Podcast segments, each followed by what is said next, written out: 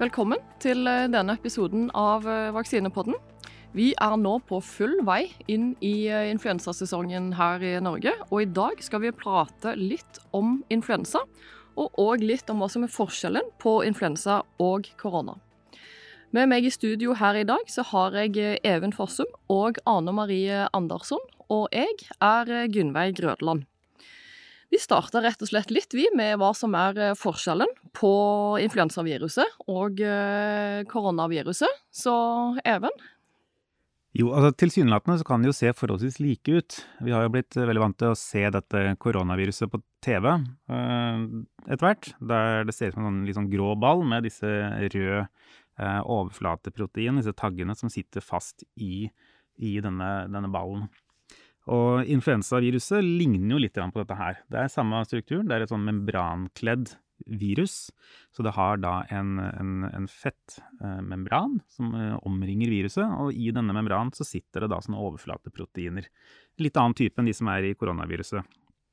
Men selv om de er ganske like på overflaten, så hvis du går litt mer i dybden her, så er det ganske stor forskjell på disse to virusene. Det er Eh, koronaviruset består, har da et arvemateriale som er en ganske lang RNA-tråd, som har oppskriften på ca. 27 ulike proteiner, som da utgjør dette virus, denne viruspartikkelen.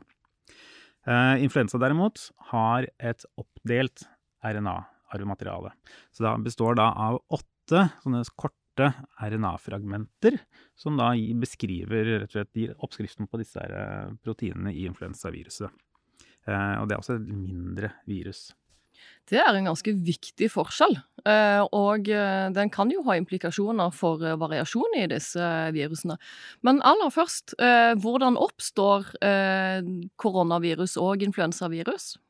Ja, hvordan virus oppstår, sånn helt, helt til å starte med, er jo et, et godt spørsmål. Men jeg kan jo si litt om, om om hvorfor disse virusene på en måte fins og, og, ikke forsvinner, og, og, kommer igjen og igjen. Eh, influensaviruset kjenner vi jo relativt godt til, og det er nok noe som mennesker har slitt med i hundrevis og hundrevis av år. Eh, man har jo kartlagt eh, utbrudd ehm, ganske langt tilbake i tid, ehm, men det som vi vet mest om, er det som har skjedd de siste hundre årene. Og der har man jo sett igjen og igjen at det kommer nye influensavirus med jevne mellomrom. Både de som vi får hvert år, men også større utbrudd av pandemier eh, med sånn noen tiårs eh, mellomrom mellom hver gang. Og vi husker jo alle svineinfluensapandemien, eh, som var en sånn en. Og mange kjenner kanskje også til spanskesyken, som var en ganske alvorlig en, på begynnelsen av 1900-tallet.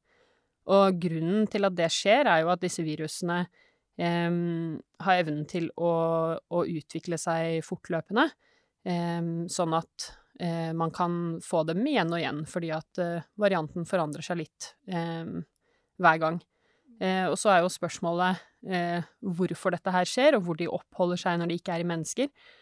for influensa så har man jo sesong på den nordlige halvkulen halvdelen av året, og så har man sesong på den sørlige halvkulen den andre delen av året, og så går det litt sånn ping-pong frem og tilbake. Ja, eh, Men hvis vi eh, starter med hvor eh, de egentlig smitter over fra eh, dyr til mennesker, for begge disse virusene eh, har jo sitt opphav originalt sett utenfra mennesker. Eh, influenser finnes jo typisk i fugler. Ikke Det er flere arter òg, men det er der vi regner med at det har sitt hovedreservoar, mens korona kommer primært fra flaggermus. Det er òg noen unntak her, men det er på en måte hovedgruppene.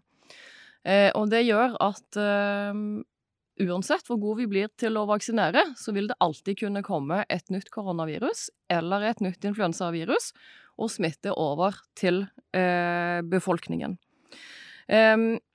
Som Duane var inne på, vi hadde spanskesyken, vi hadde eh, svineinfluensaen, og begge disse er jo eksempler på at det kommer relativt nye virus fra dyreriket og over til eh, mennesker.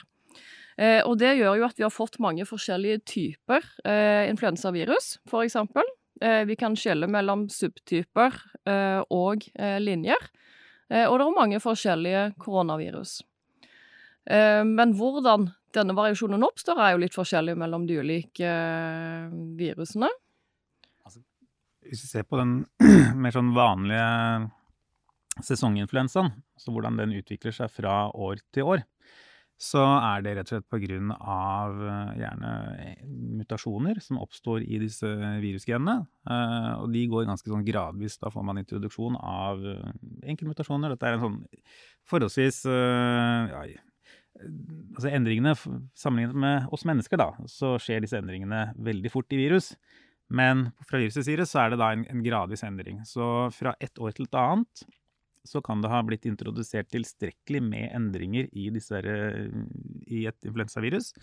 Eh, gjerne da i disse overflateproteinene, disse, disse, taggene som sitter på overflaten av denne, denne fettmembranen.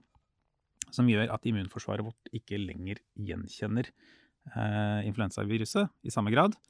Og vi får da spredning av, av et, et, nytt virus. Og det er på en måte det som skjer hver, altså, hver, sesong. Og det kan variere hvor mye disse virusene endrer seg fra sesong til sesong. Men uh, vi får kontinuerlig en sånn gradvis endring. Og før eller siden, så vil, hvis du blir smitta av influensa i fjor, så etter hvert, kanskje ikke i år, men etter hvert så vil måte den immuniteten du da fikk, ikke lenger gjenkjenne de virusene som er i sirkulasjon. Og du vil være mottagelig for en ny infeksjon, rett og slett. Og det her er jo egentlig superinteressant, for dette er en overlevelsesmekanisme for viruset. Åpenbart at hvis det hadde vært helt likt hvert år, så hadde det jo dødd ut, fordi vi utvikler immunitet mot viruset. Men i stedet så, så eh, har det på en måte eh, laget strategier for seg selv for å overleve, og dette her med at det endrer seg litt og litt, handler jo egentlig bare om at når viruset kopierer seg selv, så gjør det rett og slett det på en litt sånn slurvete, i gåseøynene måte. Eh, sånn at det ikke blir helt likt. Og dette skjer inni én person som, som, er smittet. Eh, og da vil det oppstå nye, bitte litt forskjellige virusvarianter. Og de som er best til å overleve, og de som er best til å smitte andre, er de som på en måte går videre og gir ny sykdom senere. Det er jo en helt genial overlevelses, overlevelsesmekanisme eh, som er utviklet der, til kanskje stor ergrelse for oss, da. Ja, absolutt. Eh, vi kaller disse gradvise endringene, som dere beskriver, de kaller vi for antigenisk drift. Eh, og det gjør at når du har fått f.eks. et H1N1-virus som forårsaket eh, spanskesyken, eh, så vil eh, disse gradvis endringene, denne antigeniske driften, vil gjøre at du får masse forskjellige variasjoner av H1N1. Eh, men vi har òg andre virus, bortsett fra H1N1. Eh, hvordan kan de f.eks. oppstå? Ja, det fins jo Um, influensaviruset er ganske godt karakterisert, og vi har jo hørt om H1N1, som, eh, som du nevnte, Gunnveig. Noen har kanskje hørt om uh, eh, H3-varianter eller H5- eller H7-varianter, som vi ofte kaller fugleinfluensavirus. Men det finnes jo 18 forskjellige H-er, um, og mange av disse her sirkulerer i forskjellige dyr. Uh, og det som er interessant med det, er at det er her den store pandemirisikoen ligger. Eh, fordi at mens disse her bitte små endringene skjer fra sesong til sesong, ofte i mennesker, så kan man også få mye større forandringer eh, i disse virusene, og da får man pandemi. Og det kan skje for eksempel ved at et dyr, eh, man kan si en gris, eh, får et influensavirus. Griser kan for eksempel bli smittet av influensavirus fra en fugl. Eh, og så kan de samtidig bli smittet av et annet influensavirus, f.eks. fra et menneske, kanskje en grisebonde eller noe sånt som det. Eh, og når disse to virusene sameksisterer inni dette ene dyret, eh, så kan de på en eller annen måte infisere den samme cellen, og så kan de utveksle arvematerialet når de kopierer seg selv. Og hvis det skjer på riktig måte, helt tilfeldig egentlig, så kan det danne seg et helt nytt virus som er en blanding mellom de to.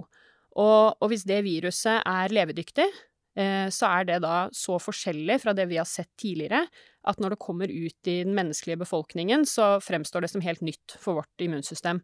Og da har man plutselig en pandemi som kan smitte veldig, veldig mange, fordi ingen av oss er beskyttet fra tidligere.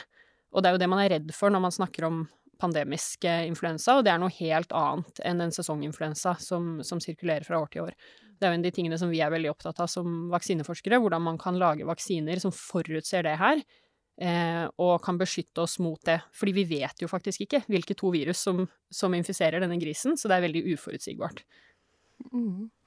Eh, det er eh, Ja, dette er noe vi kaller det antigenisk eh, skift. Og som du sier, eh, så gir dette dramatiske variasjoner. Og når vi tenker på at det fins mange forskjellige virus i fugler og en rekke andre arter i tillegg til mennesker, så er det veldig lett òg å forstå at det er vanskelig å utrydde influensaviruset eh, fullstendig på noe tidspunkt. Så her må vi bare være forberedt for det som kommer i eh, framtiden.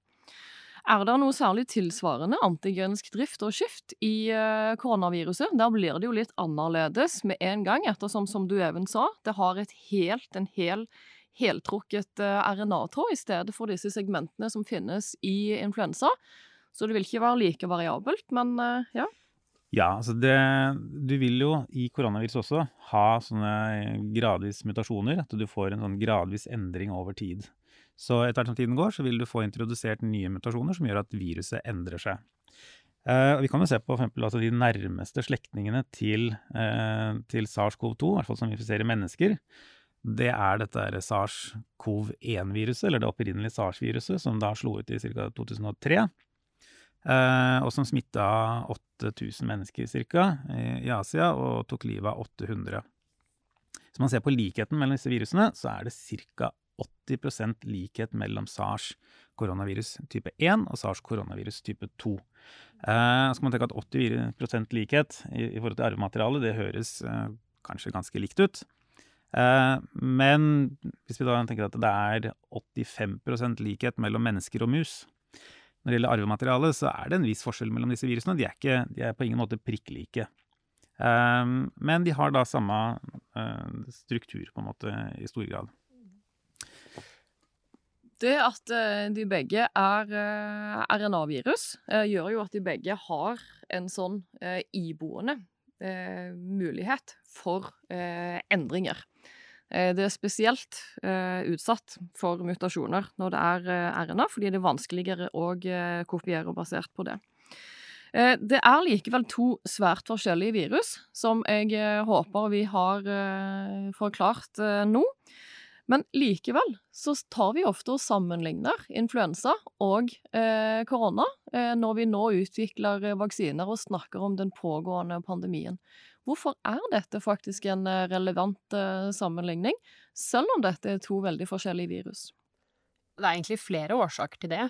Um, sånn først og fremst så, så tror jeg det er um, veldig lett å sammenligne de to virusene, fordi at Eh, begge deler er jo RNA-virus, som vi har nevnt.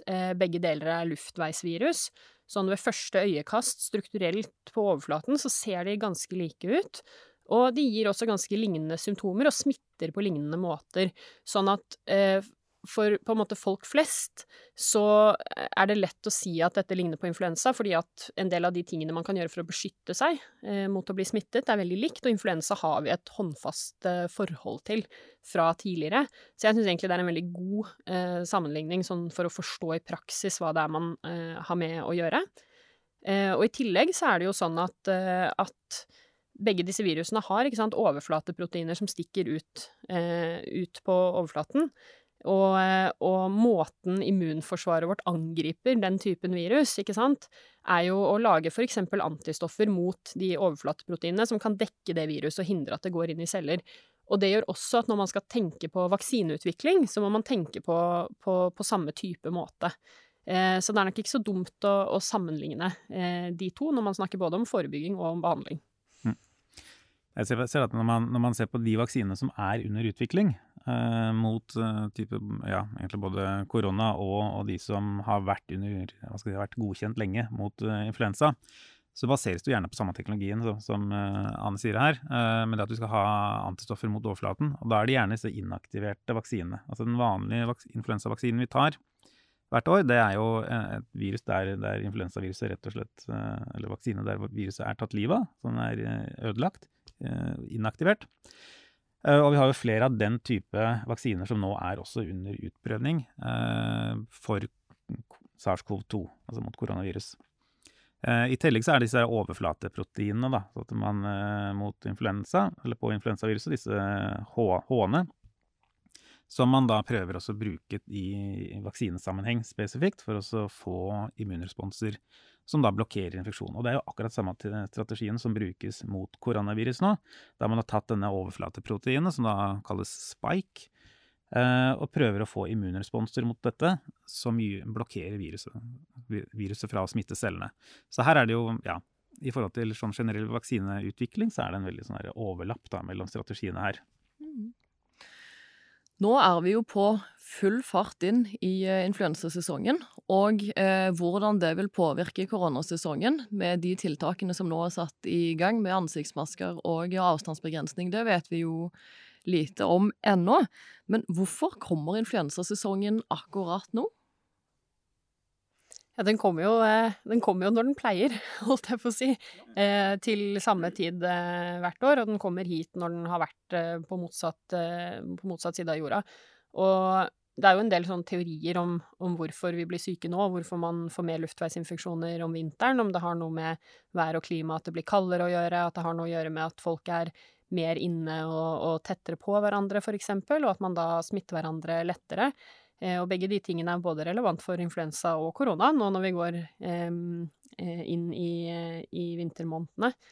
Eh, men å si helt sikkert hvorfor det treffer akkurat nå, det vet jeg ikke om jeg vil begi meg ut på, for det er jeg ikke helt sikker på. Det vet jeg ikke om noen andre vet heller.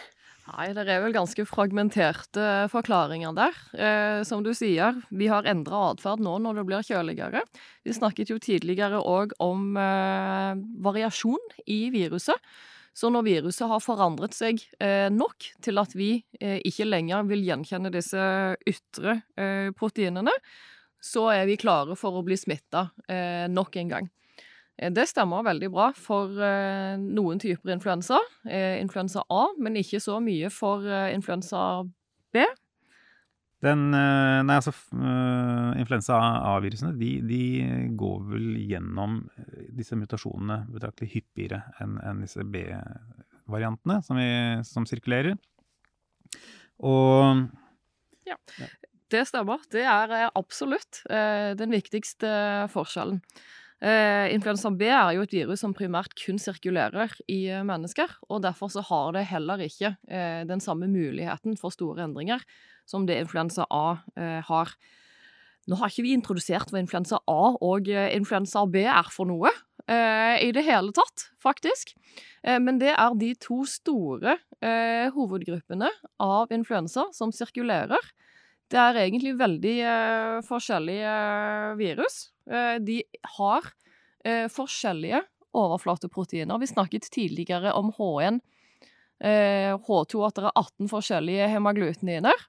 Det gjelder for influensa A, mens for influensa B eh, så oppleves det mer som en forkjølelsessykdom og gir sjeldnere Ja, det gir alvorlig sykdom, det òg, men litt sjeldnere enn influensa A. Men der er det ikke samme variasjonen på eh, overflateproteinene. Men når vi tenker eh, vaksiner, så blir det viktig å forstå at dette likevel er to forskjellige eh, virus. Eh, rett og slett eh, fordi begge inkluderes i sesongvaksinene og er veldig viktig eh, brukt eh, til det. Eh, så når vi ser på årets eh, influensavaksine, så er jo den designet for å gi oss beskyttelse mot eh, både eh, influensa A, som altså har stor variasjon, og influensa B, som gir eh, årlig stor grad av eh, både forkjølelseslignende symptomer, men òg alvorlig sykdom. Mer spesifikt, hva inneholder egentlig disse vaksinene, og hvorfor? Altså de, som du sier, det er jo, det er jo flere eh, forskjellige varianter av influensa som sirkulerer samtidig. Årets eh, influensavaksine eh, den bestemmes da basert på anbefalinger fra Verdens helseorganisasjon. Eh, som da legges ut gjerne i februar eh, i år. Eh, og grunnen til at de kommer såpass tidlig, er jo at vaksineprodusentene må ha tid for å lage vaksinene i, i god tid før årets influensasesong. Uh, og da gjør rett og slett uh, Verdens helseorganisasjon en, en, vurdering av hvilke influensastammer er det som sirkulerer i verden nå. Uh, hvilke er det som har vært på den sørlige halvkule, hvilke er det på den nordlige halvkule, og hvilke er det som egentlig gir alvorlig sykdom. Hvilke, er det mest, hvilke influensastammer er det rett og slett mest relevant å prøve å, å beskytte seg mot. og så gjør man en, en bestemmelse. Det sier at vi anbefaler at disse fire forskjellige influensavariantene skal være en del av årets influensavaksine. Og det er da for eh, årets eh, vaksine så er det en H1-variant, eh, som da er rett og slett utvikla seg fra svineinfluensapandemien i 2009. Den ligner litt på den. Det er en H3-variant, som vel da har sirkulert i, i lang tid, og muligens har sitt opphav da fra denne er det Hongkong-syken 68, der den, den, opprinnelig kom fra, men den har da, da sirkulert i befolkningen siden da. Så er det disse to ulike influensa B-varianter. Eh, som da, som nevnte, sirkulerer i, i, befolkningen. Så det er på en måte de, de influensavariantene som man har vurdert er mest viktig å beskytte oss for i år. Mm. Eh, men eh, selv om innholdet er relativt likt fra vaksine til eh, influensavaksine, så er det jo litt forskjellige måter å lage disse vaksinene på. Det er litt forskjellige formater. Ja, den som, som jo tilbys til de fleste i, i Norge, er jo en, en, en, inaktivert vaksine som inneholder disse fire virusene. Um, og, og, den er liksom den som de fleste blir tilbudt. Da får man injisert døde varianter av virusene, og så lager man immunresponser uh, mot dem. Og så har man litt sånn variasjoner over samme tema, egentlig. Eh, man har for eksempel det som heter en, en, en levende svekket influensavaksine, hvor virusene ikke er helt døde, men, men Eh, men fremdeles eh, har noe liv i seg. Ikke sånn at de er smittsomme eller kan kopiere seg selv i kroppen eller gi sykdom, men kanskje kan gi en litt mer eh, potent immunrespons, og den er godkjent for barn. Og gis som nesespray. Kanskje litt mer skånsomt enn et nålestikk. Og fungerer bra i barn. Og så har man også en en annen type sånn inaktivert vaksine som også inneholder noe adjuvans, som er der for å forsterke eh, immunresponsen ytterligere. Og den er eksempel eh, eh, anbefalt til eldre, som ofte lager litt svakere immunresponser etter, etter, vaksinasjon. Så de over 65 år tror jeg den er anbefalt til. Mm. Det bringer oss inn til hvem er det egentlig som bør ta influensavaksine? Er det alle sammen, eller eh, hvem bør eh, gjøre det? Nei, hvis vi ser på hva Folkehelseinstituttet anbefaler, eh, så er det da altså personer i risikogrupper, og de som da er, eh, har høyere risiko for å få alvorlig sykdom, det er, det er de som er anbefalt å ta vaksinen.